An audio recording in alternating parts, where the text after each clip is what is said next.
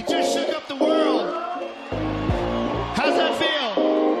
Hey, I'm not surprised, mother.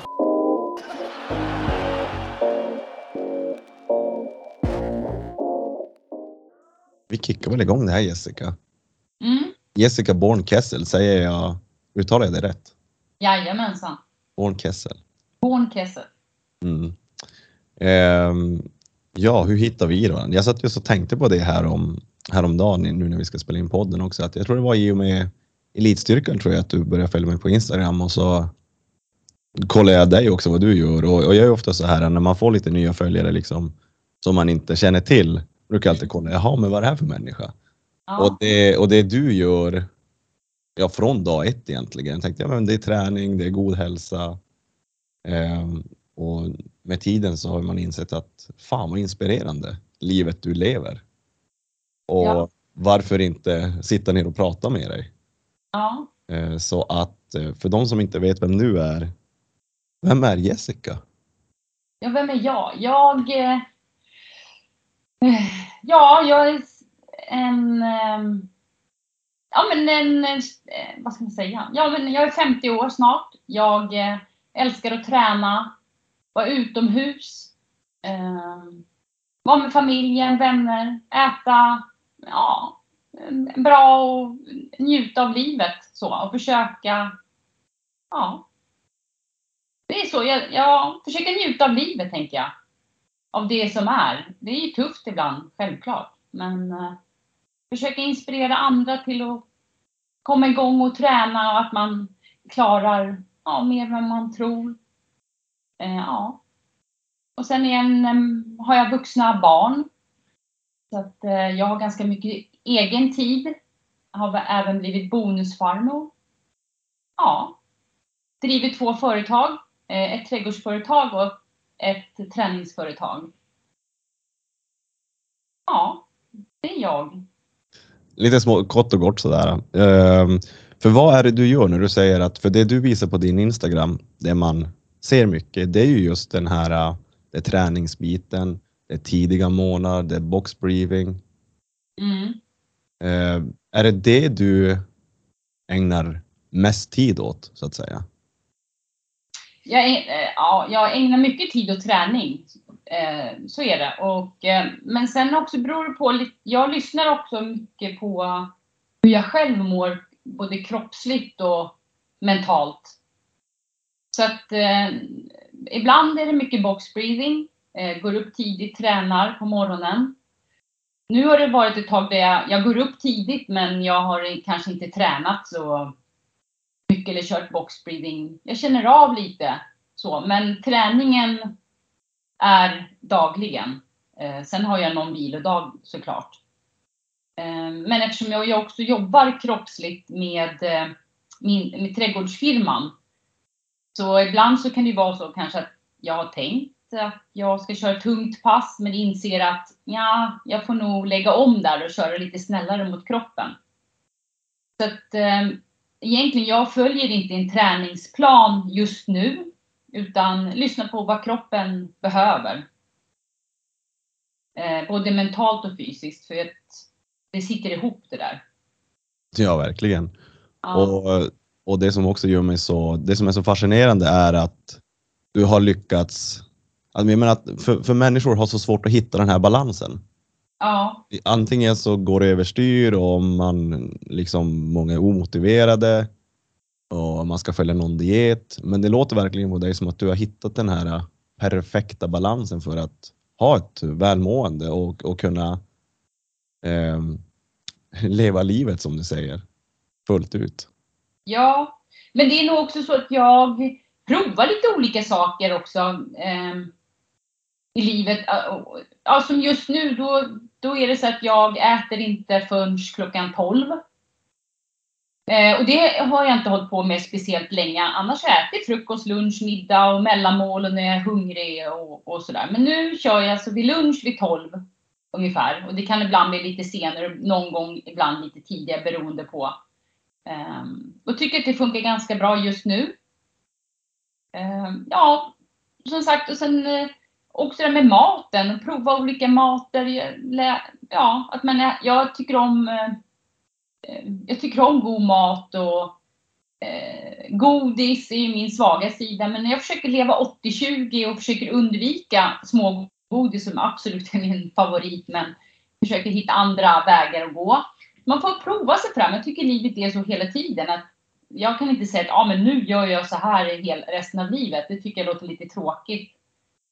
Eh, och man förändras också som människa hela tiden. Man har ju olika faser i livet.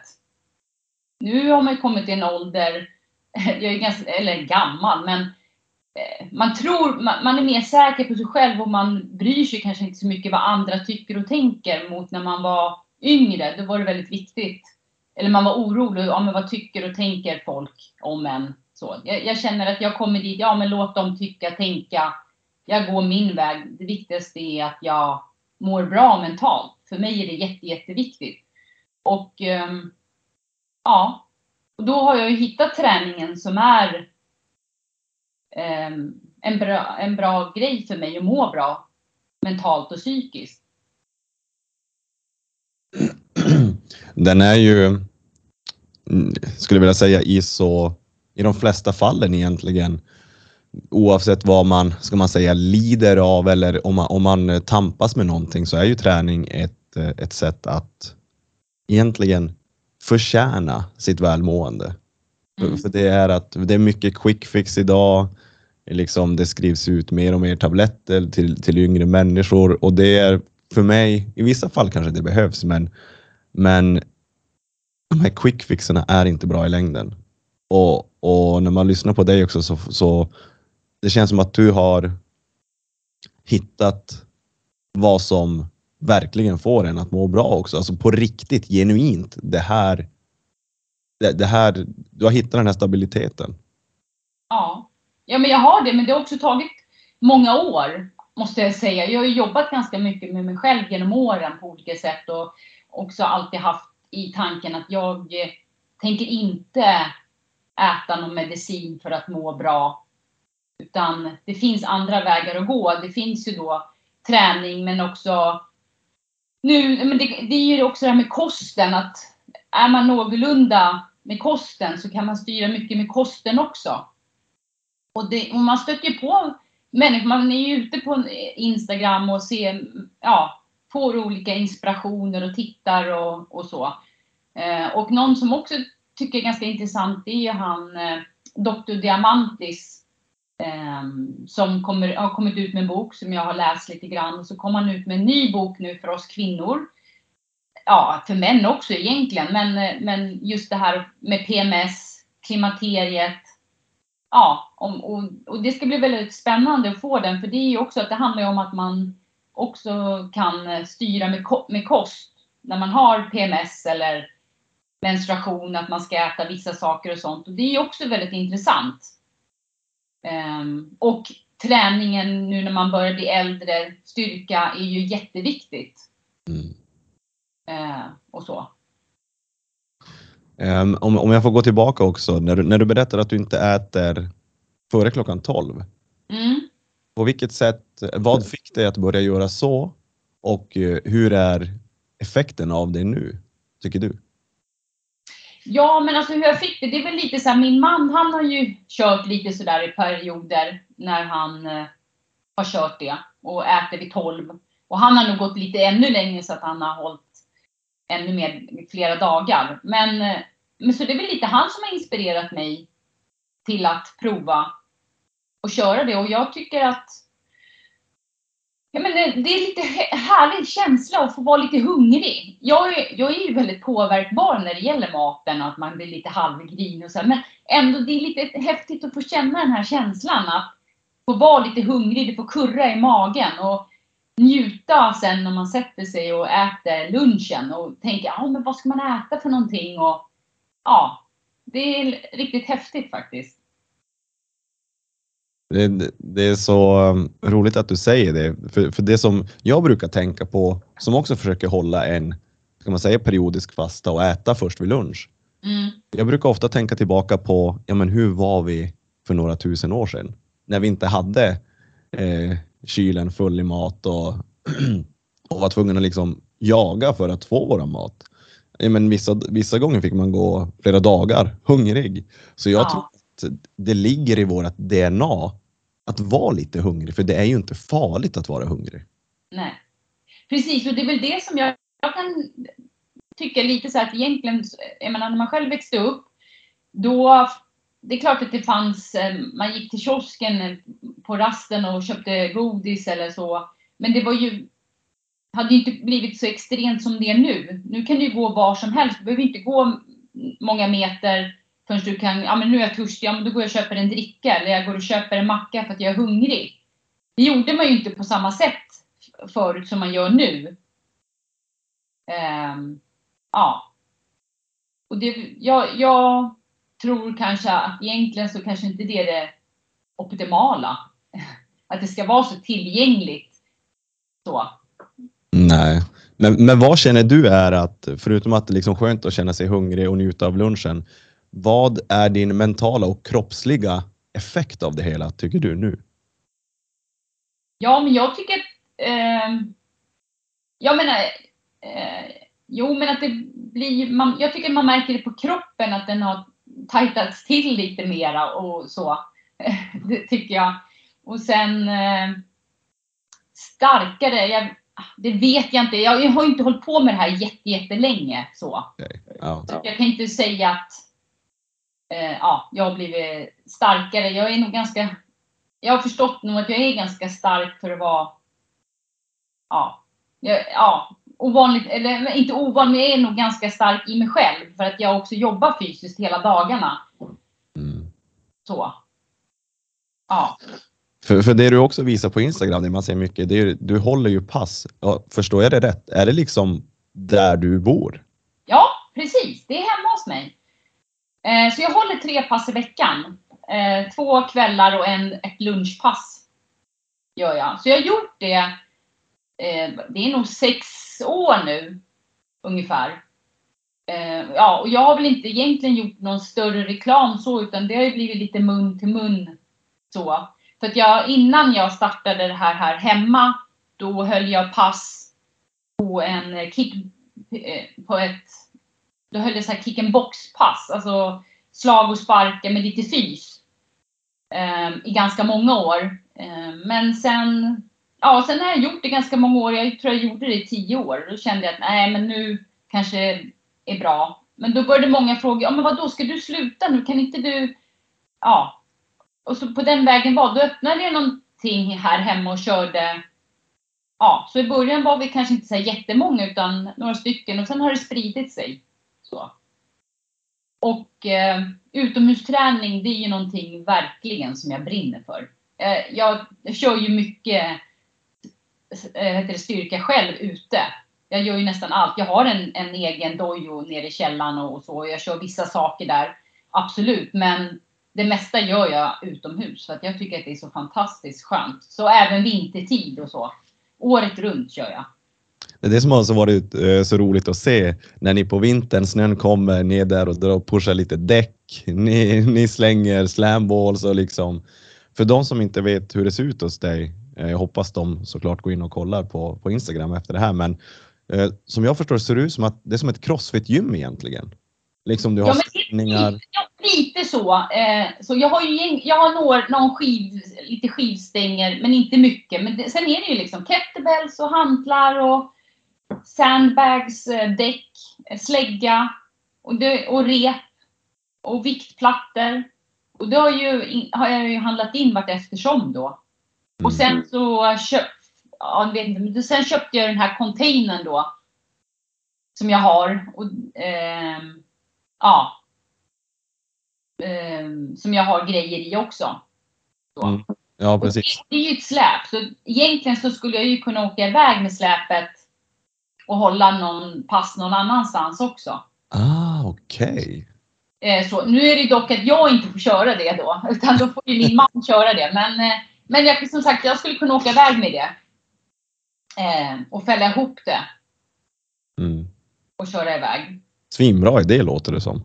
Ja, men samtidigt tycker jag att det är ganska skönt här hemma också för att det är ju väldigt annorlunda eh, mot många andra ställen.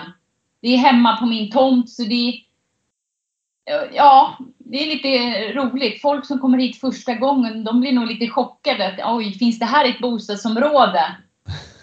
eh, så. så att, eh, Det blir ju väldigt intimt på något sätt att komma hem till någon. ja, precis. Och sen att jag har förmånen att ha en så pass stor tomt så att man kan göra de här grejerna. Det är ju ganska roligt faktiskt. Var, när ni har köpt eh, den här, det här huset och tomten, och det liksom, var det någonting du hade som plan från början? Nej, nej, nej, absolut inte. Eh, det är som vanligt när det gäller mig. Det, det var som ett bananskal vi hamnade på det, eller köpte det här huset. Jag hade varit på granntomten och jobbat. Och såg att de hade en stor gård och vi hade ju ett, ett, ett, eh, en trädgårdsfirma också då. Eller då. Och så att vi behövde ju liksom, då sa jag, då skulle man ju kunna ha jobbet hemma, utgå därifrån, ha plats med alla grejer och sådär. Ja, sen var det väl inget mer med det, men sen gick det, en, jag vet inte, kanske något år eller så. Då var det några kompisar till oss som hörde av sig och sa att men du, det här huset nu som din fru har pratat om, ringde till min man då. Det är till salu nu. Ja, och så på den vägen är det.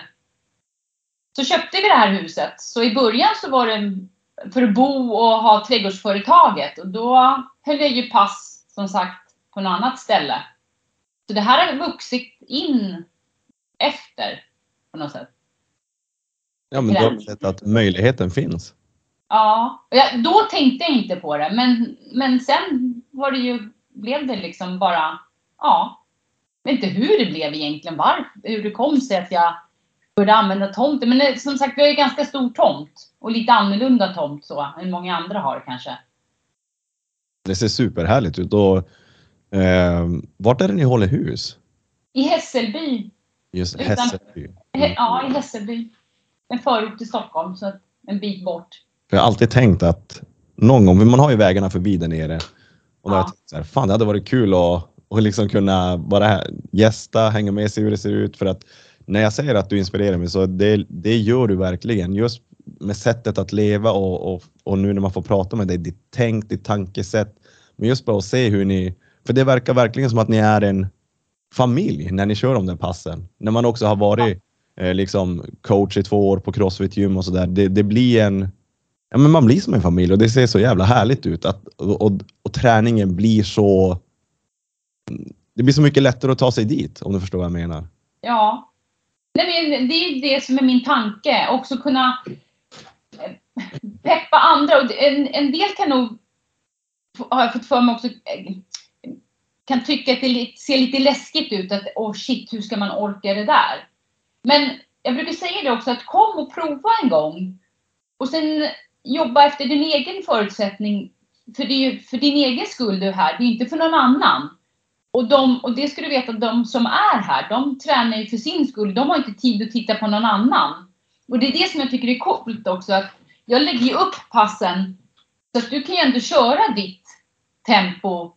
Även om det är 45 sekunder på en station. Ja men de som, som verkligen är, går all in och, och liksom går in, stänger ute allt. De kan köra och kör. Sen finns det de som känner, att jag orkar inte på samma sätt. Ja, men om de gör en eller två burpees nu om det är det. Ja, då är ju det jättebra. Det är ju upp till en själv. Det är ju som sagt, man, det, bara det här viktigt med rörelse tycker jag.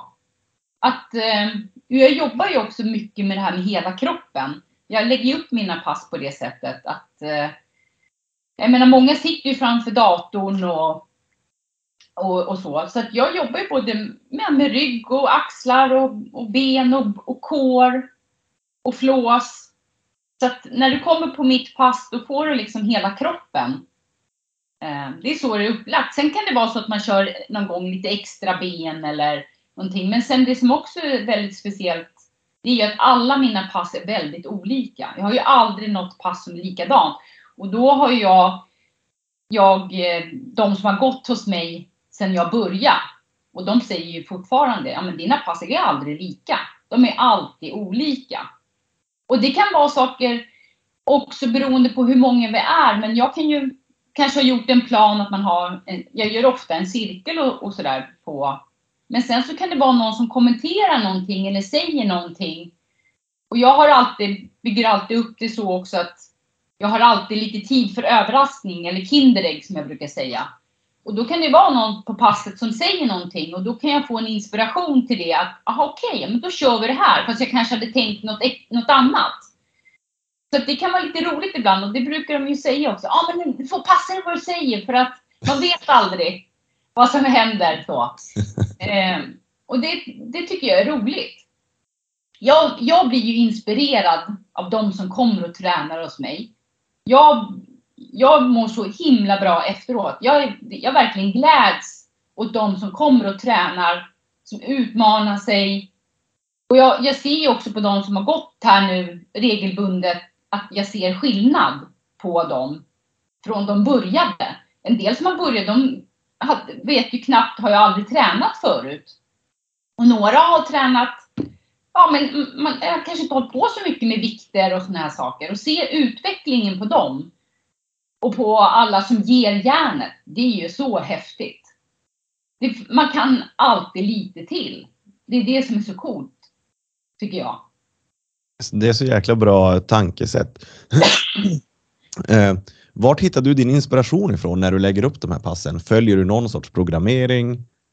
Eller någon... Nej, jag, det, eh, jag tittar på Instagram, jag tittar på eh, grejer från Youtube ibland.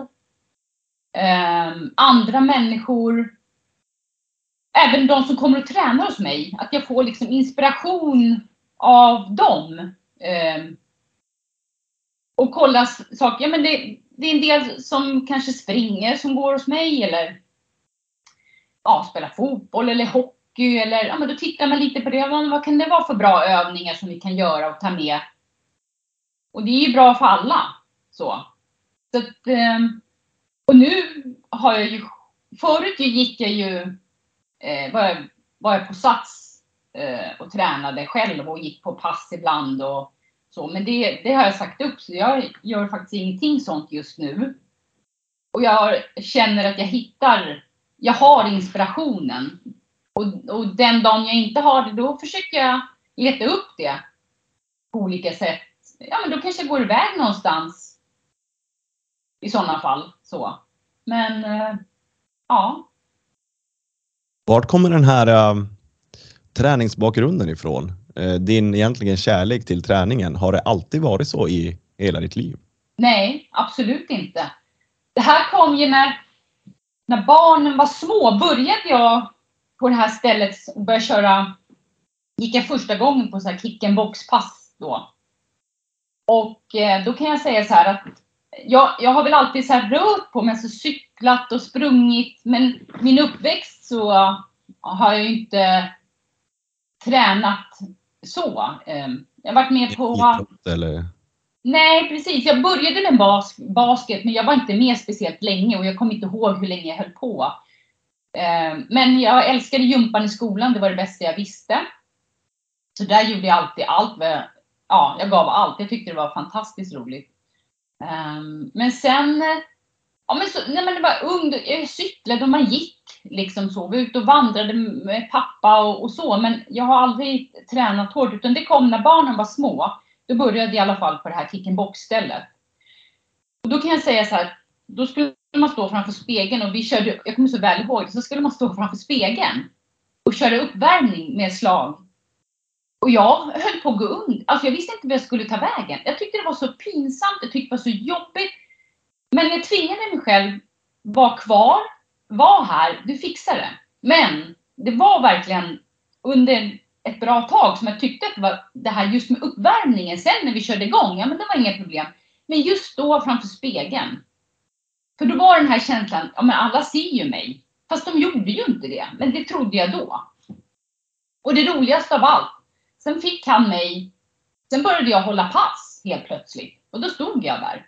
Framför de andra som stod framför spegeln. Så det var ju ganska lustigt hur det kunde bli. Så, hur det släppte på något sätt. Jag vågade stå kvar fast jag hade sån fruktansvärd ja, panik. där, där liksom så. Så det var på den vägen det började. Då började det kanske en gång i veckan och så var barnen sjuka och då, ja, det blev inte, det blev lite, ja sådär. men sen var det någon gång, då blev det mer och mer och sen ökade det här. Eh, så började jag hålla pass som sagt och sen blev det ännu mer att jag började, och då började jag även köra lite kickboxning, alltså träna kickboxning själv. Eh, absolut inte på någon hög nivå, men ändå roligt. Eh, träna hårt. Man blir ju trött och jag tycker om att ta ut mig. Så det gav ju otroligt mycket. Och sen gav det ena det andra. Jag började anmäla mig till olika lopp och ja, springa och göra massor med olika saker. Ehm, så.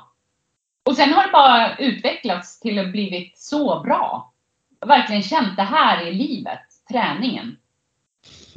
Det som gör mig lite nyfiken, det är när du berättar att du, du älskar att ta ut dig.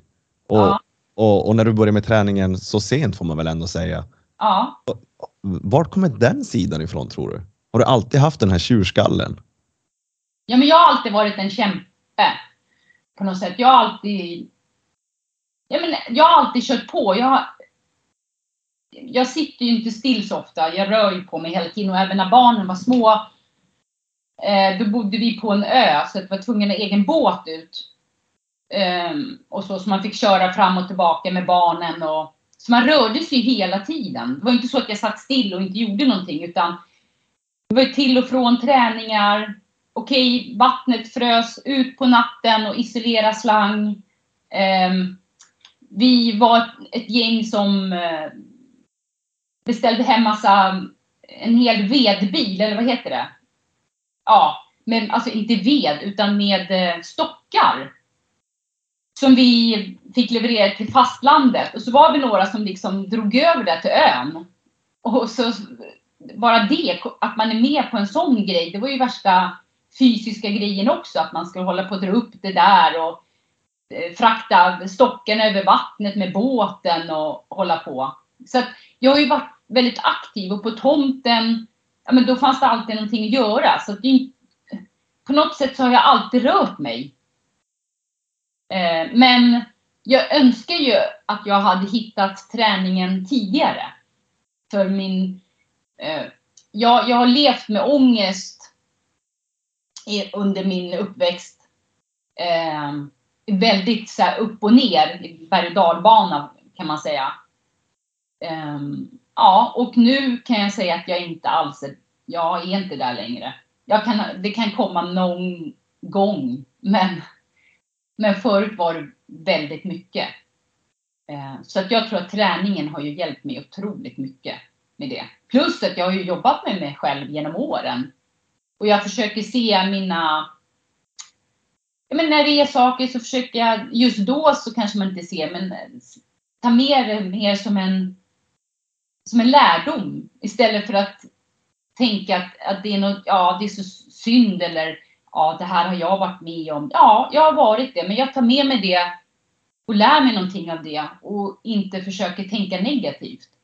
Försöker vända det tuff, när det är tufft till det positiva på något sätt också. Och då har ju som sagt träningen gjort A och O, måste jag säga. Mm. Det är så skönt att höra att du verkligen har hittat det. Men när du nämner din ångest, vilken ålder pratar vi då? Kom det tidigt i ditt liv? Ja, men det kom nog där i tonåren. Så. Och, och liksom vi, nu är jag lite yngre än dig, jag har just fyllt 30, men ja. vi har ju ändå vuxit upp båda med utan sociala medier. Så det ja. som också gör mig lite nyfiken att på förr i tiden eh, när det kanske var mindre vanligt med ångest eller att det inte var på tapeten lika mycket. Vad fick du gå igenom som har framkallat det hos dig? Eh, ja, det är nog min uppväxt eh, så. Eh, jag växte upp med min pappa. Jag och min bror.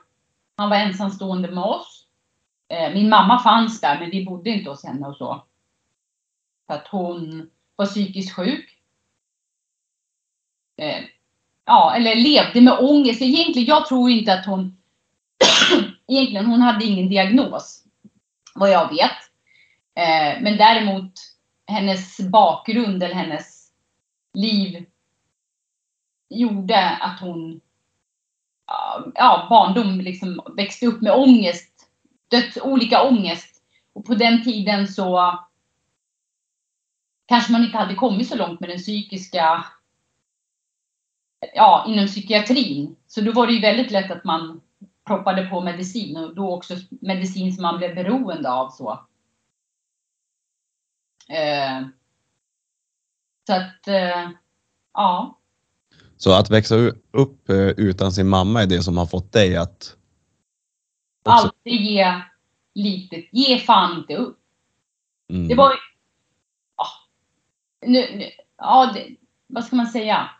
Men, när jag var ett år, då försökte min mamma ta livet av sig. Och hon hamnade i rullstol då och blev förlamad nerifrån. Och det levde hon med då i många år.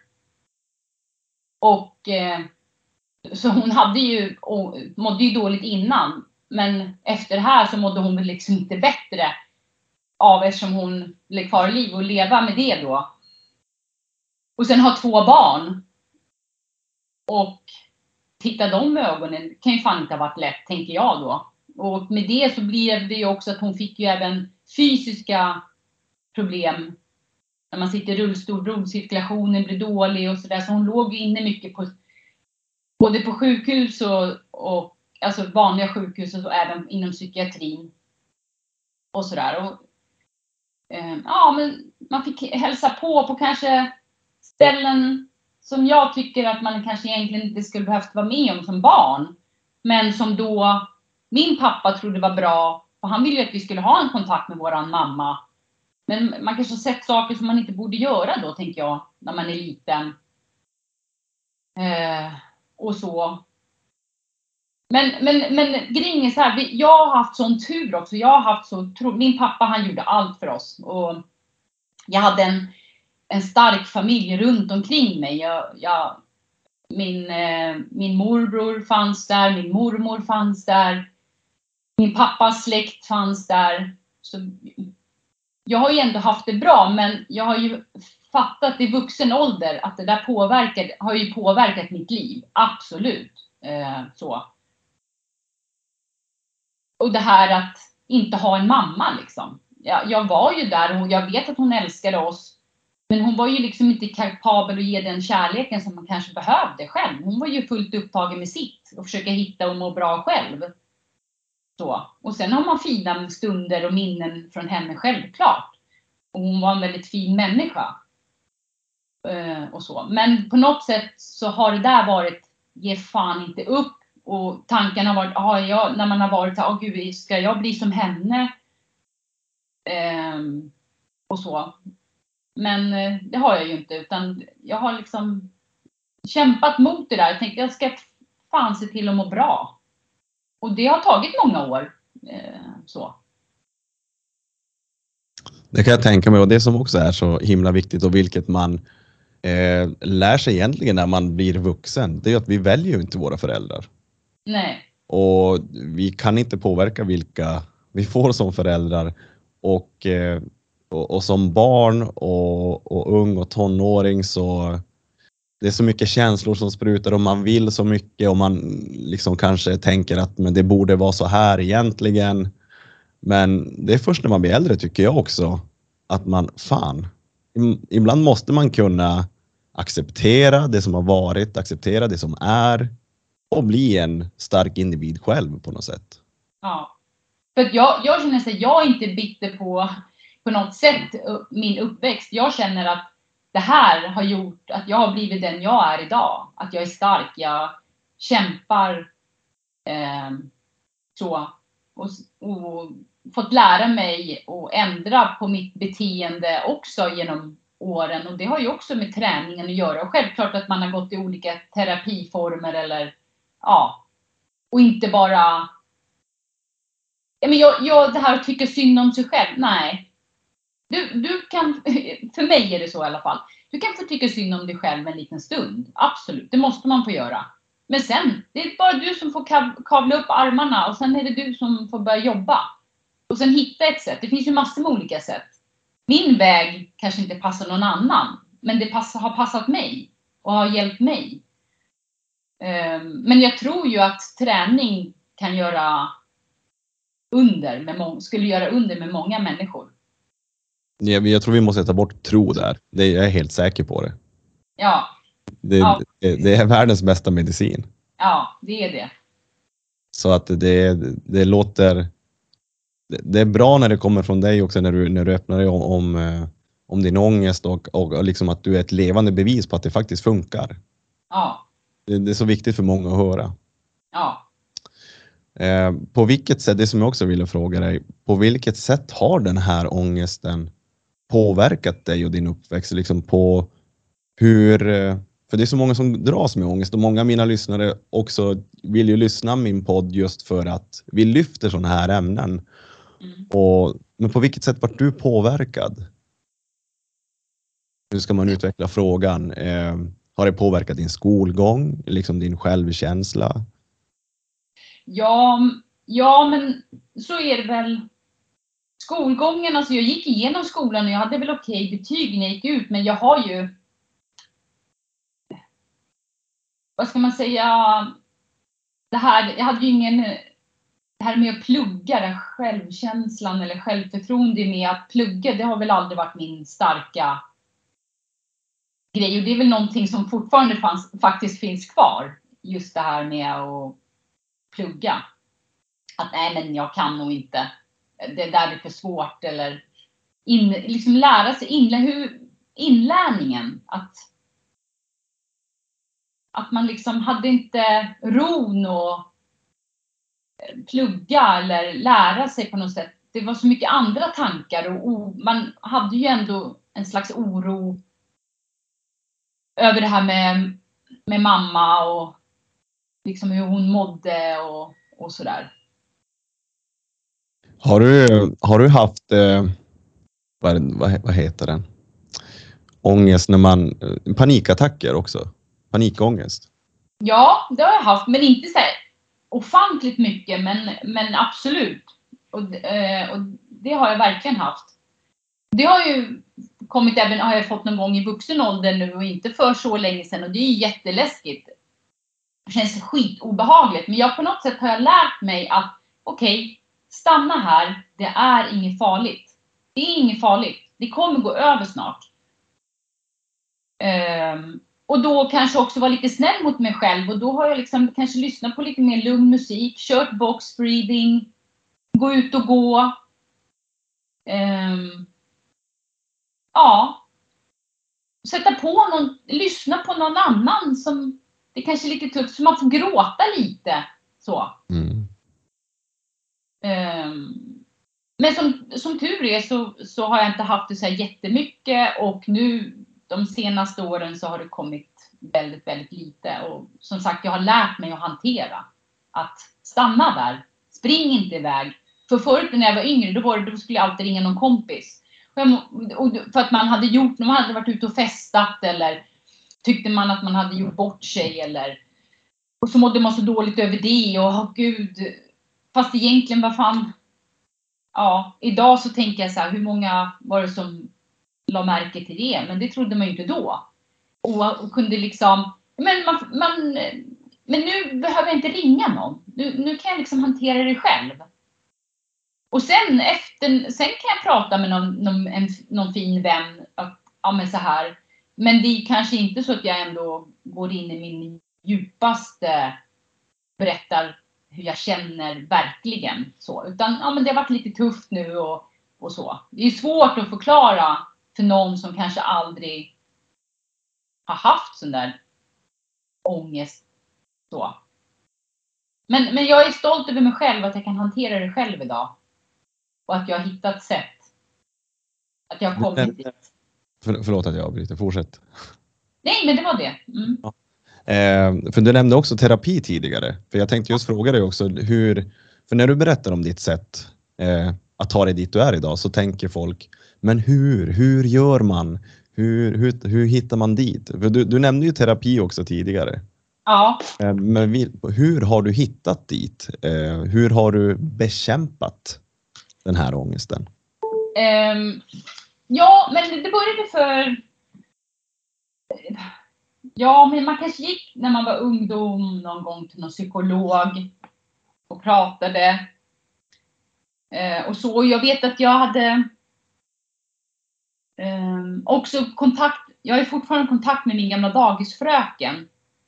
Också lite häftigt sådär, som har funnits genom livet som en vuxen person som har kunnat pratat och stöttat mig.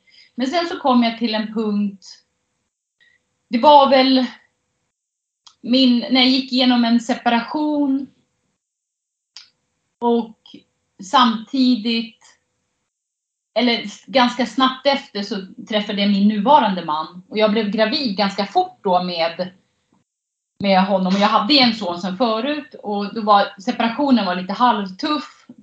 Så. Ehm, och sen träffade jag min man och, och liksom försöka hitta ett sätt att leva, ja men hitta ihop. Han hade barn sen förut och man skulle försöka pyssla ihop det där. Och så blev jag gravid. Eh, och sen så förlorade jag, eller vi förlorade våran dotter två veckor innan eh, ja, innan hon skulle komma. Eh, och det var också så här helt, det var bara otur. Då hade det liksom blivit en knut på navelsträngen och eh, den hade virats runt halsen så näringstillförseln hade slutat då. Eh, så att när jag ska gå på min kontroll då kände jag hade känt att ah, men nu ligger barnet stilla, rör inte på sig så mycket. Och ja, det var full aktivitet och man rörde sig. Men då hittade de inget hjärtljud då. Och det här var två veckor innan. Så då blir det ju så här, barnmorskan hon blir alldeles, så hon får, går in och hämtar en annan som får komma in och lyssna och de hittar inget. Och då blir vi skickade då till sjukhuset och så. Och då konstaterar de att ja, barnet är dött. Ja, och, och efter det då, då blev det ju liksom, det var ju ganska tufft. Um, ja, och sen, eh, ja men livet hankar på, men det var ändå liksom lite tjafsigt så här, med exet och när man med barn, eller med hur vi skulle ha det och sådär. Och så. Och sen gick det några till och så gick min, min pappa bort 2001. Och då då rasade ju min värld totalt. Liksom. En person som har varit min förebild, min, ah, mitt allt. Liksom. Han har varit mamma, han har varit pappa, han har liksom funnits där. Han har gjort allt för oss hela tiden. Och sen plötsligt bara försvinner han. Då rasade det och då till slut då var det en som sa, men du, alltså, du kan inte ha det så här länge. Du måste gå iväg. Ja, och på den vägen ner och då började jag på ett på Humanova heter det ett ställe. De utbildar. Så jag gick under ett år med en kvinna som gick under utbildning då, som fick vägledning på vägen. Och det, då gick jag ett år, jag tror att jag gick en gång i veckan. Så det var början. så. Eh, och, då blev, och till slut så kom jag till en punkt och då, när, då kände jag att nej men nu behöver inte jag det här längre. Då hade det gått ett år. Och då hade jag blivit starkare. Och sen efter det så har det väl varit att jag liksom hoppat in någon gång mer ett tag fast på något annat, gått på så KBT. Det heter KBT va? Ja. Jajamän. Eh, emellanåt och sådär. Men kanske inte, då behövde jag inte så mycket. Så. Och sen eh, så ibland så, ja, sen var, gick det väl några år och sen provade jag eh, men då, då gick jag till någon så lite med astrologi. Också, också det var lite kul. Då gick jag dit. Eh, ja. Så, och sen det som också varit himla bra, jag har eh, hypnos. Det var också jäkligt coolt faktiskt. Så det är väl det som jag har gjort senast och sen har jag ju liksom jobbat med saker och ting själv. Och liksom känt att jag har klarat av det. När, när du nämner hypnos, funkar det? Ja, alltså det är så coolt. Det, det, det är jättehäftigt tycker jag. För då är det så här. Då går du dit och jag har ingen aning egentligen vad man liksom vad man ska prata om. Eller så, här, så då blir man hypnotiserad. Och så blir det bara liksom, man bara öppnar upp sig. Och sen, men det var liksom en sån häftig känsla för då blev det liksom, man bröt ihop totalt. Och sen när man vaknade upp, då, var jag som, då åkte jag därifrån, satt i bilen och var så glad. Alltså det är jättekonstigt, för när man har gått på till exempel när jag gick på det här på Humanova, då satt jag ju i bilen. Jag var ju så ledsen. Jag mådde så dåligt. Och så blev det ju bättre och bättre med tiden. Men det här var liksom att shit. Det var, nej men jag var som, det var som att jag seglade fram där i, i liksom efter det där. Det, var, det blev värsta lyftet. Och, men eh, jag tror inte att man ska gå om man är djupt deprimerad dit. Absolut inte, utan man måste nog ha kommit en liten bit på väg. Så. Annars, och, det, och det finns ju de som också när man eh, vaknar upp igen från det där att, att det kan vara att man är låg efteråt. Men jag hade inte den känslan. Jag var tre gånger. Det det de rekommenderade. Det var fantastiskt. Det var jättebra. Okej. Okay. Jag, har aldrig, jag har aldrig pratat med någon som just har använt hypnos. Ja. Och det lite sådär, äh, ja men shit, vad är det? Funkar det verkligen? Så det, det är intressant att du nämner det. Ja. Det, det är verkligen någonting jag kan rekommendera som faktiskt är ja, jäkligt bra. Mm. Så äh, egentligen, det, det, det är hit också jag ville komma lite grann, att man ska vi ska inte vara så jävla rädda att prata. Och, och liksom äh, träningen funkar absolut svinbra, men att äh, så länge vi vågar prata, om man nu dras med ångest, vad du än dras med, vi måste våga prata mer. Och på så, det är en bra, det är en väldigt, skulle jag säga nästan bästa starten egentligen för att ta sig ur någonting. Ja, det är det som jag tycker också är så otroligt viktigt. Att det, har ju varit, det, det är som lite fult att man mår dåligt. Men om det är någon som säger att man mår bra hela livet, då ljuger de ju rakt igenom. Eh, livet är en berg och dalbana. Sen ska du lära dig att hitta verktyg för att du ska klara livets väg. Eh, så. Och att man inte sopar under mattan och att man... Det kan ju olika saker. Men, men jag tror ju också att, som sagt tidigt också, eller att jag är så pass öppen om det här med min min uppväxt eller om min mamma att, och pratat mycket om det och att det har verkligen påverkat mig väldigt, väldigt mycket. Och då tänker jag, brukar jag tänka så här, jag har ändå haft så fin stöttning från mina nära och kära runt omkring mig och ändå mått så pass dåligt. Brukar jag tänka så här, hur fan de som inte har någonting då? Och ändå kravla sig upp från det där. Hur coolt är inte det? Mm. Det är liksom, ja, och, ja, jag, liksom det är viktigt tycker jag att man pratar om, om, om det här. Nu har det har ju börjat komma upp mer och mer, det här med psykisk ohälsa eh, och så, men det, det är ju fortfarande långt kvar och inom psykiatrin också överhuvudtaget. Jag har ju också fattat att det är ju många som, eh, som tar tabletter eh, lugnande eller för att kunna sova och, och, ja, andra saker. Och ja, och det kanske man, vi säger nu, det kanske är det man behöver, absolut. Men det som också är helt galet tycker jag, det är att många som börjar med det, det är ingen som hjälper dem sen när de ska sluta. Och mm. minska ner på dosen, eller, nej men det får man ingen vägledning om. Nej, nej, då skriver man ut lite mer. Men, va? Det är ju jätteviktigt. Om, om vi säger att en läkare skulle komma fram till här, ja men det, det här behöver du och, och det är så pass illa, ja men absolut. Men då ska det också finnas en väg ut från det där. Det är inte meningen att man ska behöva, om det inte behövs, äta det resten av livet. Som, som det känns som att det är många som gör, fast de inte skulle behöva. Och det är det som jag tycker är lite tragiskt. Jag har ingen statistik, jag ska absolut inte gå in i det där djupare. Men eh, ja, viktigt att jobba på med det här mycket mer. Det, det, är helt, det är helt rätt det du säger för det, det, jag har även någon kompis som har ätit i flera, flera år. Och, och liksom när den här personen säger att Nej, men jag kan inte vara utan. Eh, för det som slår mig då är att jag som gillar liksom personlig utveckling och, och är intresserad av just psykologi, utbildad terapeut och life coach. Men eh, för, för, då tittade jag en gång, jag lyssnade på en podcast med Dr. Phil, han den stora tv-show psykolog. Eh, och han är liksom ja, hans, han har sin tv-show och är bland världens största. Och han säger det att piller är en temporär lösning. Liksom, vissa behöver det för att kicka igång den här processen. Men en, det är en attitydsfråga att ta sig ur en depression, eh, om man ska ta det då. För, för att det är ju inte vårt normala stadie. Så, så att, och, och, då när du nämner att men hur ska vi trappa ner, hur ska vi sluta med de här pillerna och, och att det inte pratas om det.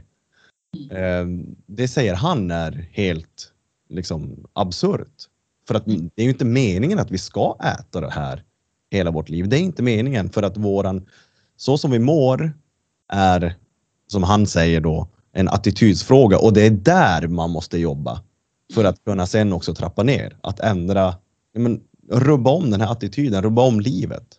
Ja, ja precis. Så, så att det är just det där när man trappar ner och, och det är för mig också väldigt, väldigt, jag som också har varit lite deprimerad, lite ångest, men jag har dock aldrig ätit piller men nej, det, jag ser inte hur man, hur, hur man inte hjälper där.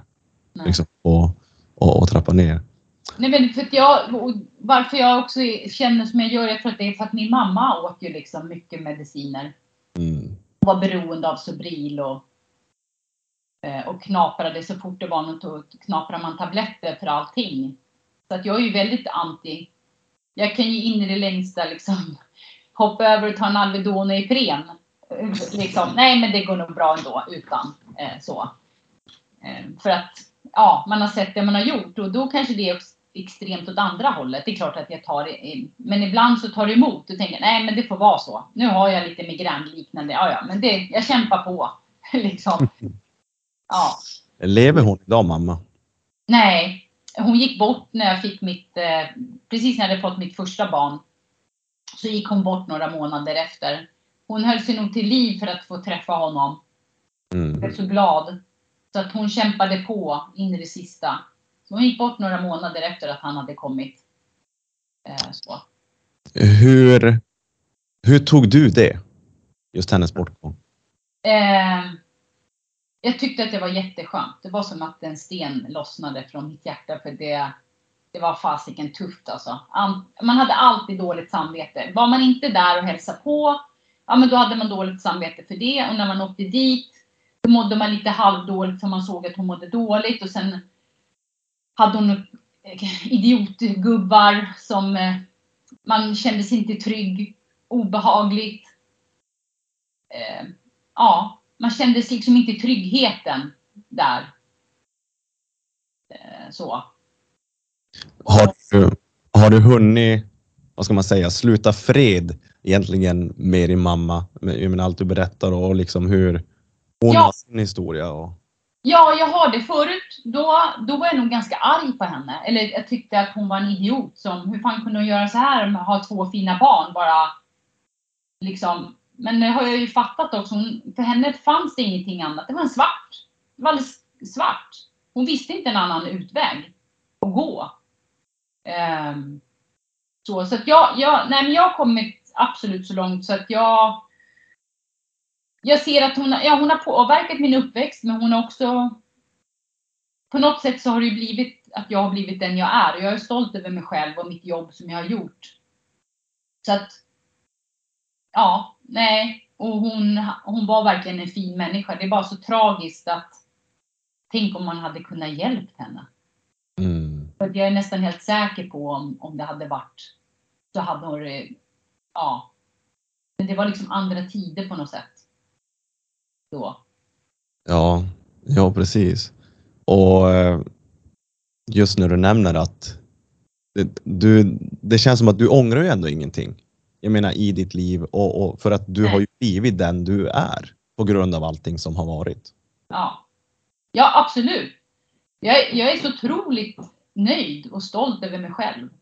Och, eh, och, och liksom även under eh, jag, fick liksom ett beteendemönster med att som jag har jobbat på, eller som jag också kom på lite sen när jag blev äldre att um, som min pappa då, då var det liksom så här att jag testade ju hela tiden. Ja, men finns du här? Finns du här? Eh, och gav mig liksom inte, utan han träffade han någon kvinna, ja, men jag kunde nog vara ganska tuff liksom.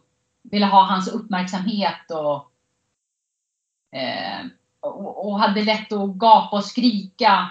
Liksom kunde inte riktigt uttrycka mig. För det var ju så, min pappa och vi, vi pratade ju liksom inte. Utan det var liksom, kom nu så går vi ut och går en promenad eller vi tar en cykeltur. Men det var ju aldrig att vi pratade, om vi hade bråkat, det var liksom, man sa inte direkt förlåt heller. Utan då var det mer att, ja, man kanske gick ut och gick en promenad sen. Det liksom flöt ut så. Så att jag är ju liksom inte uppvuxen med att diskutera utan jag har ju bara skrikit och ja men jag vill ha eller ja men liksom på det sättet. Eh, och, det har jag ju fått ändra på också när min man liksom han också det här testa hela tiden. Att finns du där, finns du där hela tiden. Och det är inte okej okay, liksom. Eh, att bete sig som en vuxen människa. Du måste ju lära dig att prata.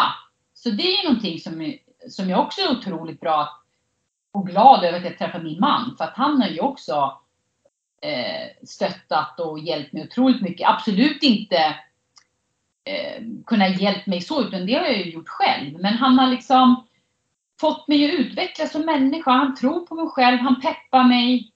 Han har fått mig att börja med en ny sport, hockey. Liksom. Ja, just jag har sett det. ja, det är så jäkla roligt. Det är så coolt liksom. Han spelar paddel med två tjejer och de spelar hockey. Så det var liksom via dem då och så kommer Niklas hem och säger det där. Och så, och så tänker jag, ja men tror du? Ja, så går jag i alla fall dit. Och efter det, jag är helt såld. Alltså det är så kul. Och jag känner sån lycka. Det är så häftigt. Ja, det är jätteroligt. Så då blir jag så här, jag blir så glad. Jag spelade match igår och jag är fortfarande jätteglad fast vi fick storstryk liksom. Nej, för att jag tänker så här, ja, men jag gjorde mitt bästa. Och när jag började med hockey, jag kunde inte åka skridskor, jag har aldrig åkt skridskor. Ja, och jag har redan utvecklats. Det, du gör framsteg hela tiden. Det är det som är så coolt att se. Och känna att man gör det. Jag kan tänka mig med din tjurstall. Men det är ju ändå en häftig känsla. jag blir så glad. Jag som kommer från en hockeybakgrund. Det är så härligt att se din lycka. ja, absolut. Och då blir det så här ännu mer. Ja, men gud, nu måste jag ju verkligen se till att jag liksom håller mig stark och trän, styrketränar. Och, och det är det som jag också tycker är att man, jag vill peppa andra människor. Prova någonting som de inte har provat. Gå utanför sin er komfortzon. Och det har jag ju fått höra många gånger att ja, men du bara hoppar på. Liksom, vadå, du har ju aldrig åkt skridskor eller Nej. Eller ja, men ibland är jag klättrar eller jag... Eh, ja, men jag har inget problem att anmäla mig till någonting om jag är själv. Jag kan testa någonting och sen så är jag med. Liksom. Ja, nej, det är jätteroligt. Och jag var ju med på också, jag körde sån här Army Fitness träning för många år sedan. Ehm, och det var ju innan det här med elitstyrkan kom. Det var ju så coolt för då anordnade de en sån här weekend. När vi åkte iväg. Då anmälde man sig. Och jag visste nog inte egentligen riktigt vad det innebar. Men det var ju fredag till söndag. Och det var ju lite sömn. Och verkligen testa sina fysiska gränser. Och så. Och det var ju jättekult.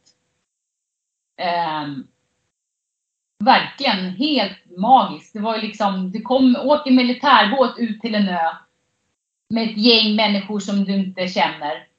Och sen hade man ju fått en packningslista. Så, och sen hade man några minuter på sig, liksom, skulle man klä på sig träningskläder. Och sen sa de, ja ah, men ni ska springa dit bort och sen tillbaka. Jaha, ja då sprang man ju liksom allt, man, man har ju sån adrenalin för man vet ju inte liksom vad som ska hända. Och så kommer man tillbaka och sen så efteråt jag, då gjorde de ju liksom en fysisk test. Man fick göra massa armhävningar och det var sit-ups och det var lite olika grejer. Och så blev man indelad då i olika grupper. Så det var jättekul. Och verkligen eh, testa sina gränser och, och sådär. Jättehäftigt. Är det där någonting som finns kvar? Nej, det gör ju inte det. Den, den här Army Fitness tror jag finns, men de har inte haft något sånt mer anordnat. För det var riktigt coolt alltså. Det var verkligen, man blev indelad i, i tre grupper. Eh, då hade de gjort fysiska tester. Eh, svår, medel och lite lättare och så. Så då fick vi som, eller jag kommer i den svåra gruppen, då fick vi testa våra gränser lite mer och de mittemellan fick testa sina gränser. Man gjorde samma saker fast de fick göra kanske lite mindre doser. Plus att man hade utöver det i det här på något sätt så var det samarbetsövningar med de andra från de andra grupperna så att det var liksom inte heller att man var indier. Man fick liksom kämpa tillsammans också. Så det var väldigt roliga grejer också. Det var eh, fysiska grejer men det var också lite det här att eh, man skulle lösa lite problem tillsammans. Så. Men det här är ju ganska många år sedan nu jag gjorde det här. Men det var ju också helt magiskt. Jag tycker ju sånt där är jättekul. Och därför tycker jag ju elitstyrkans hemlighet där har ju varit så jävla cool att titta på. Mm. Eh, ja, och så då. Ja, det är grymt. Har du funderat själv på att söka dit? Ja, jag har gjort det flera gånger och jag har till och med varit inne och skri börjat skriva. Sen bara, nej men. Sen är det det här just när jag ska skriva om mig själv eller det här spela in den här videon. Så här, nej men det här blir nog inget bra. Nej. Och så har jag bara lagt det på sidan. Så att eh, där har jag, jag har ju lite svaga punkter att jobba på. Kör för fan. Jag tror att du hade varit perfekt där inne. Ja. Ja men så tänker man så här, nej men jag, jag, jag ja nej men det är lite så. Just det här när man ska fylla i saker och skriva och berätta om sig själv. Jaha, vad ska jag, vad ska man liksom, det är sådana saker som, som ligger, som jag tycker är ett hinder om de skulle ringa ett samtal, men då skulle jag kanske kunna bättre förklara än att jag ska hålla på och texta och, och förklara eller spela in någon video. ja, det, ja, det är så roligt. Jag menar, det är ju ganska, typ vad är dina största rädslor och sådana där grejer bara? Jo men, jo, men det är ju det här, eh, ja men det är lite så här med text och plugga vad kan jag egentligen? Men jag kan inte lära mig. Lite så. Det, där har jag ju fortfarande spöken kvar faktiskt. Mm. Ja, jag förstår. Jag förstår. Um, en en uh, fråga jag kom på att tänka på, nu, nu backar jag lite, lite grann här också. Ja. Uh, när du berättar att det här beteendemönstret du hade. Ja. Hur kom du på att du hade det? Liksom, vad fick dig att vakna upp? Ja, vad fan var det? Nej men det är väl när man bara tittar på, jag bara tittar på mig själv och mitt beteende och liksom. Och ja, men jag kände ju att varje gång det var ju inte okej. Okay, för jag kunde ju bli så, jag menar, liksom, bli så arg och så sa så dumma saker och kände så här, men det här är inte okej. Okay. Så här gör man inte. Eh, för varje gång man hade gjort det, då mådde man ju liksom dåligt efteråt. Så. Um, och eh, ja. Varför jag frågar, ja. det är att det är många, alltså ingen är ju perfekt och oftast har man ju någonting som, eh, som man kanske dras med, som man, för man kan ju alltid förbättras. Ja. Och, när det var så, om man får säga grovt i ditt fall, så, är det så blir det så, blir jag så nyfiken på att, men hur, eh, hur uppmärksammar man det? Och liksom när du säger att du gör det själv, om det var något sånt här wake-up call som händer eller? Nej, men jag tror att det är för att jag tycker, det är nog kommit just det här att man jobbar med sig själv och på något sätt bör bli uppmärksam att ja, men du måste göra någonting åt det här. Du kan inte ha det så här. Det här är inte okej. Okay. För att jag tycker ändå att det hade kommit så himla långt med så mycket annat. Men så var det liksom fortfarande något som kändes, ja men det här är inte okej. Okay. Du mår ju inte bra själv när du blir så arg och, och liksom ja, så. Jag förstår. Ja. Så det är nog liksom, ja, jag tror att det är på den vägen det har kommit liksom. Och sen någonting som också är väldigt viktigt för mig, det är ju att känna trygghet. Det är, det är ju verkligen någonting som är otroligt viktigt för mig. Um, för blir jag otrygg på något sätt, som, som kan det kan vara någon gång ibland att det liksom utlöser och då, då kan jag ju få sån här ångest. Eh, när den kommer liksom, den här otryggheten. Så. Och det har ju nog med min barndom att göra, även om jag liksom hade, min pappa fanns ju där hela tiden och så här, men den här otryggheten när man var hos mamma, man visste inte ja, hur skulle det bli den här gången och, och, och sådär. Skulle man få gå upp till mormor eller skulle pappa komma och hämta en eller skulle man bli kvar hela helgen? Eller skulle det komma en onykter eh, snubbe eller skulle det komma någon eh, hemsamarit hette det ju då då. Hon hade ju hemhjälp eller ja, eh, så. Som var onykter. Men det var ju jätte den här otryggheten och inte veta. Så det är nog någonting som har varit väldigt viktigt för mig. Har jag ju förstått att tryggheten är ju otroligt. Mm. Ja men absolut. Det, det formar ju oss, våran Ja. bakgrund. Precis. Och vissa, vissa områden blir lite starkare än andra. Ja, Och det är väl inget, det är väl inget fel med det utan det är så länge man hittar den här balansen. Så Ja. styr. precis. Men sen också det här att som, ja men också det här som förälder, man blir förälder. Jag blev, var ju ganska ung när jag blev mamma första gången. Jag var 20, blev 21 precis. Och då ändå hade, var uppe ganska mycket i sig själv eh, på något sätt. Också. Och eh, när man tänker tillbaka liksom, fan du bara körde. Och, och, och sådär. Det är ju, jag ångrar absolut ingenting. Jag menar, Rasmus var den bästa som har hänt mig. Men man känner ju att, ja, man var ju nog ganska omogen. Men jag är så stolt idag för att han, eh, han är en jättefin eh, kille idag och, och liksom jag är stolt över våra barn. Så att jag har utvecklats som eh, mamma och extra mamma. Ex, ja, bonusmamma eller vad man nu säger. Mm. Och gjort något fint. Och det, är jag stolt över. Det ska du vara. För det är bara få sitta och prata med dig nu i en timme, liksom, man känner ju energi- energin genom skärmen bara. så det är superhärligt med sådana människor som du. Ehm, hur, det, det, det går ju inte att und, eh, undgå egentligen. Du sätter ju väldigt eh, mycket, eh, vad ska man säga, en eh, kraft på också den mentala hälsan. Det är lätt att prata den fysiska hälsan. Mm.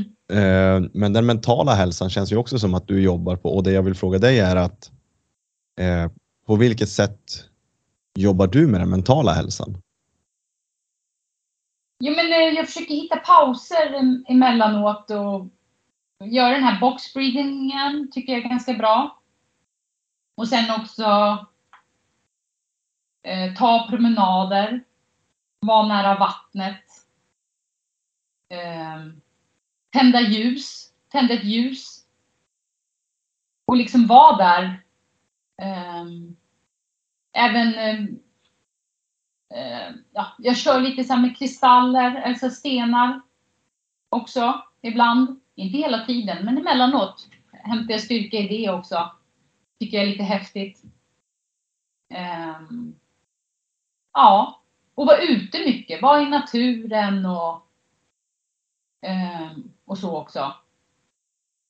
Och sen hitta liksom en balans med jobb och familj och vänner och eh, så. För jag är mycket inne på ditt spår när vi pratar balans. Du nämnde också i början liksom att men var inte rädd att testa nya saker. Ja, men nu ska du testa käka först klockan 12. Mm. Och det som folk tänker på och jag ofta får frågan när jag ska hjälpa andra. Men hur hittar jag dit? Och det är ju Ja. också att vara snäll med sig själv som du också har nämnt innan. Man får inte, liksom, om jag får frågan att ja, men, när du stiger upp och fem, tränar klockan fem, alltså kör du alltid stenhårt? Ja, nej, varför tror du det? Om jag Ja. säger att jag går och tränar klockan fem, vissa gånger har jag bara tränat 20 minuter.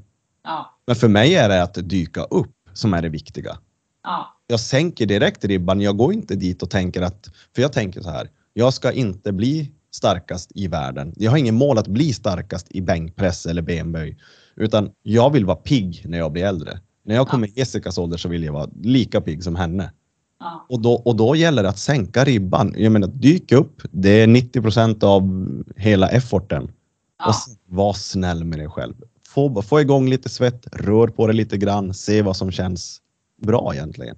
Och ja, men hur hittar man dit? Var snäll med dig själv. ja. Ja men det, det lyssnar till kroppen. Och det kan vara så här på morgonen, jag kanske bestämmer att nu ska jag, jag ska gå ner och till exempel om jag går ner i dojon ibland på morgonen bara och ska ta lite, göra box breathing. Men då kan det vara ibland att, nej men jag känner mig nog att, nej men nu gör jag nog ett träningspass. Mm. Och ibland är det mittemellan träning, alltså inte speciellt hårt. Och någon gång har det blivit att jag kör järnet. Och ibland har det blivit, nej men jag inte så mycket nu. Nu, nu kör jag lite träning. Lite lugn träning. Eller bara andas. Och det är, hur, hur, hur skulle du vilja säga att man får den här acceptansen till sig själv? Att bli snäll mot sig själv? Ja, jag tror att man måste lyssna in. Alltså, ja, lyssna på sig själv. Liksom hur kroppen känns och det mentala känns. Men ibland så måste man ju också, även om det känns tufft, då måste du ju kanske i alla fall göra, Mm. för min del i alla fall, då gör jag det i alla fall. Även fast jag kanske inte alltid är supersugen eller supertaggad på att träna eller köra box breathing. Men jag gör det och efteråt, då är jag ju super, super nöjd. Mm. Jag har lite den här känslan som jag också pratade med Sissi om i podden. Hon förklarade det så bra. Att men, när det är tufft, hur, hur, hur, hur gör man då? Men känslan av att inte ha utfört den här morgonrutinen är värre än att faktiskt bara ta sig upp och röra på sig lite grann. Förstår du? Ja. För jag, jag, jag har lite kvar också det här att jag kan klandra mig själv om jag inte tränar. Eller att jag inte, vad ska man säga, har den här disciplinen. Och den känslan är värre att sitta och klandra sig själv än att faktiskt bara, fan jag är trött 30 sekunder när jag stiger upp, slå lite kallvatten i ansiktet, sen går du och kör. Ja. Jo men så, så är det ju för mig också om, om, om det är så att jag inte kanske gör det på morgonen. Då kan det vara så ah gud nu har jag inte eh, tränat eller gjort det här. Och då så tänker jag, ja men då gör jag det lite senare men sen kan det ju hända saker på vägen att ja men fan det blev faktiskt ingen träning idag eller någonting. Men då försöker jag ibland på kvällen, om jag inte har gjort det, om, om, om det har varit liksom fullt ös och av någon anledning inte har blivit träning. Då försöker jag liksom tända ett ljus. Så sätter jag på en låt och så bara lägger jag mig och så bara lyssnar jag på den här låten och, och låter bara acceptera att ja, men det, det är så, det är inte hela världen. Du är så duktig, du tar hand om det hela tiden så att det kanske var det här du behövde idag också egentligen, bara vila helt. Eh, så. Har du någon sån här go-to-låt när du säger att du slår på en låt? Ja, men det är ju med hon, eh, med Enya, den här uh, Caribbean Blue, tycker jag är jätteskön att lyssna på. Hon är grym. Ja, verkligen. Det tycker jag är fantastiskt. Ehm, att lyssna på. Typ Mm. Liksom, och, ja, men det kommer ett bra mood. Ja, men ibland behöver vi lite grann externa eh, källor för att hitta in Ja, lite grann. precis. Men sen, men eh, sen är det så att jag rör ju mig också så otroligt mycket till min vardag mot de flesta människorna tror jag. Jag menar, jag har ju rörelse hela tiden, hela dagarna. Jag går, det är ju sällan jag sitter ner. Så. Och jag tittar ju nästan aldrig på TV heller. Till exempel. Vi har en TV men det kan vara någon gång ibland nu på vintern eller så här så man kan eh, gå in och titta på när det här eliten, elithem, eh, vad heter det? Elitstyrkan. Ja, då gick jag in och kollade. Eh, och så. Men annars så är det inte så att jag följer någonting sådär. Eller att åh, det här måste jag titta på. Det gör jag inte. Utan mina kvällar de försvinner helt plötsligt. Oj, nu måste man gå och lägga sig. Liksom. Ja, det är superhärligt. Ja, jag tycker verkligen du borde söka. Ja. Jag ska ta mig på. Det är något jag får jobba vidare på. Jobbar du efter, eh, när, när du jobbar med dig själv, har du så här to-do-lister? Har du typ en så kallad, vi kallar det här uppe en shitlist? Okej, Nej. vad är pros och cons? Nej, jag har inte det. Okej. Jag går efter mitt eget huvud. Så. Ja. Känslan, Ja, lite grann. Jag är inte så mycket för det här att skriva. Jag, ibland så kan jag gå in och skriva lite, men jag kommer ofta av mig. Jag, jag tänker att ja, det kan nog vara bra att skriva av sig. Men det är inte riktigt min grej. Jag har några, någon bok som jag liksom börjar skriva. Alltså gör jag det några gånger, men nej, sen blir det liksom inte eh, sådär. Jag, när jag, gick, jag gick ju också det här med Mia Törnblom för många år sedan. Eh, så här, självledarskap med henne. Inte med henne, med en av hennes, ja, som hon hade. Det var ju också mycket skriva och så. Ehm, och det var ju också bra. Och, och det är många som säger ja, men skriv ner på listan de här svaga punkterna eller vad det nu är för någonting. Men nej, jag vet inte. Jag har inte fastnat riktigt i det där. Jag har försökt, men det är inte riktigt min grej faktiskt. Nej men så är det, det är inte för alla. Nej, precis. Så det tycker jag är bra att, äh, att jag ändå, ja, men jag hittar, jag går på känsla. So call me a cynic, call me a bummer. I don't wanna be that way anymore. This life that I've been living, living without color, ain't a life worth living.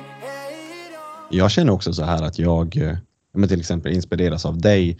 För jag kommer aldrig, om jag träffar en ny människa så har inte jag inställningen att ja, men den här människan kan inte lära mig någonting. Jag, jag vet så mycket mer. Jag är, jag är så mycket bättre. Jag kan mer om träning. Nej, nej, nej, nej. Så får, när jag börjar tänka så, då måste man uh, stanna upp. För att alla har vi någonting som man kan ta med sig av. Man kan plocka lite här, lite där. Ja, precis. Och, och det är det som är så jävla viktigt. någonting som kan inspirera. Ehm, och, och ja, Det behöver inte vara något stort. nej, absolut. För mig bara av att se dina morgonrutiner, jag blir ju supertaggad. Så säger man, okej Jessica, hon går after it today. Nu är det min tur också. ja, men jag, jag hoppas att jag kan inspirera flera människor och jag tror att jag inspirerar en del, men jag hoppas att jag kan fortsätta och sprida glädjen till andra att eh, göra vissa, ja men våga prova saker. Eller det här med träning eller börja lätt. Jag menar när jag började första gången när jag var inne på ett gym också, det var ju samma sak där. Visste ju inte liksom hur man skulle använda alla sakerna. Men man måste ju börja någonstans. Om Jessica får ge sina tips och tricks till allmänheten, till de som lyssnar och vad vi ska ta med oss och du får sätta din prägel på det hela. Vad vill du säga då? Men eh, våga prova något nytt. Eh, våga ta hjälp eh, av andra. Om det är så att man har kommit och står stilla. Det kan ju vara både mentalt och fysiskt. Om man tycker man står stilla eh, i, sin träning så kan man ju ta hjälp av någon. Eller det mentala, att man tar hjälp av någon. Och det behöver inte alltid vara att man ska gå till en psykolog, utan det finns ju massor med olika vägar. Eh, Ja, det är mitt tips. Eh, se saker som är jobbiga, som du har varit med om. Se det som något som du tar med dig och blir stark av. Och se det som något positivt. Eh, tänker jag. Det är Ja, superviktigt. tycker jag. För att oavsett vad som än händer så går det att resa sig. Ja. Så se saker och ting som en lärdom. Mm. Inte som något, eh, att du har gjort något dåligt. Jag menar, har du gjort någonting, det kan ju vara vad som helst. Men se det inte som något dumt, utan se det mer som en lärdom. Ja, men då vet jag, då gör jag ju inte det här igen. Vad kan jag förändra? Så tänker jag. Och, liksom, och sen som din, eh, liksom din familjesituation, du kommer från, men, från din mamma berättelse också att vissa saker kan vi inte påverka heller. Och samma sak där. Använd det till att bli st- starkare av det. Ja, precis. Bryt ett mönster. Det säger de ju också tr- när man växer upp med saker att det kan ju ta generationer innan man bryter ett visst mönster. Kanske. Okej. Eh, Från, eh, ja, så. Men jag, tänker att bli, om, om man själv, som jag, som min mamma då, då tänker jag så här, nej men bli inte som henne. Hur, hur, hur vill du vara? Försök jobba efter det. då. Exakt. Och bitter, släpp det där med att vara bitter på någon annan eller på dig, på det som har varit. Släpp och gå vidare. Det finns så mycket där ute som du kan må bra av istället. Jag brukar tänka, alltså när, när vi ligger där, beroende på hur länge vi får leva, vi säger att vi lever till vi är 80-90 år och så ligger vi där på dödsbädden. Mm. Inte kommer man sitta och tänka på vad någon tyckte eller tänkte om, utan det är ju liksom, man blickar ju tillbaka på de saker, tror jag, man faktiskt gjorde. Mm. De, man, och då vill man kunna, jag vill kunna blicka tillbaka och tänka att fan, det var, det var ett härligt liv. Ja, Inte gå ut och oroa sig. nej, precis. Ja. så att, det, det, är det, är en bra så här, eh, sporre att, att eh, dra sig efter. Ja. Vad är planen nu för dig i framtiden? Du säger själv, du är snart 50, piggare än aldrig förr. Livet har aldrig Ja. bättre.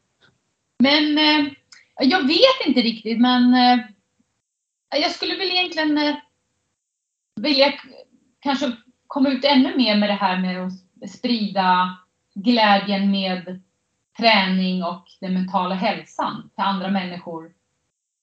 Och visa att man har alltid lite till. Ehm, och så. Ja. Jobba, men men jag, liksom, jag vet inte exakt vilken väg jag ska gå. Det är lite svårt. Man ska ju liksom se till att man... Ja, nu driver jag ju trädgårdsföretag också. Det är ju så, man blir ju äldre och det är ett tungt jobb. Eh, Så man måste ju liksom titta över det också. Man får hitta en, en bra balans där också. Mm. Det riktigt vet jag inte vilken väg, men det blir nog någon bra väg i alla fall. Vad jag känner. Ja, jag älskar det, så jävla härligt att höra. Mm. Har man den här intentionen att det kommer bli bra, på något sätt blir det bra, då, då blir det oftast det. Ja, Liksom tänka Ja. positivt. precis. Men jag tror det också.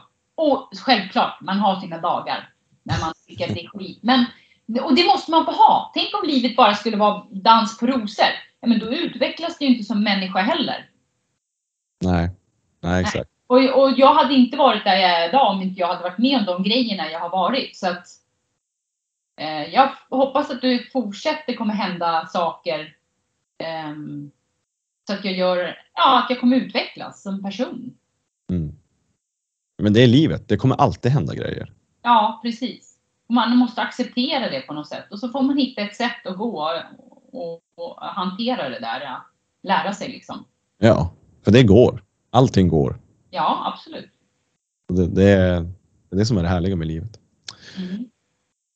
Superroligt att du ville göra det här. Jag är oerhört tacksam att du vågar öppna upp dig och eh, att du sprider den här energin eh, och ger alla tips som du har.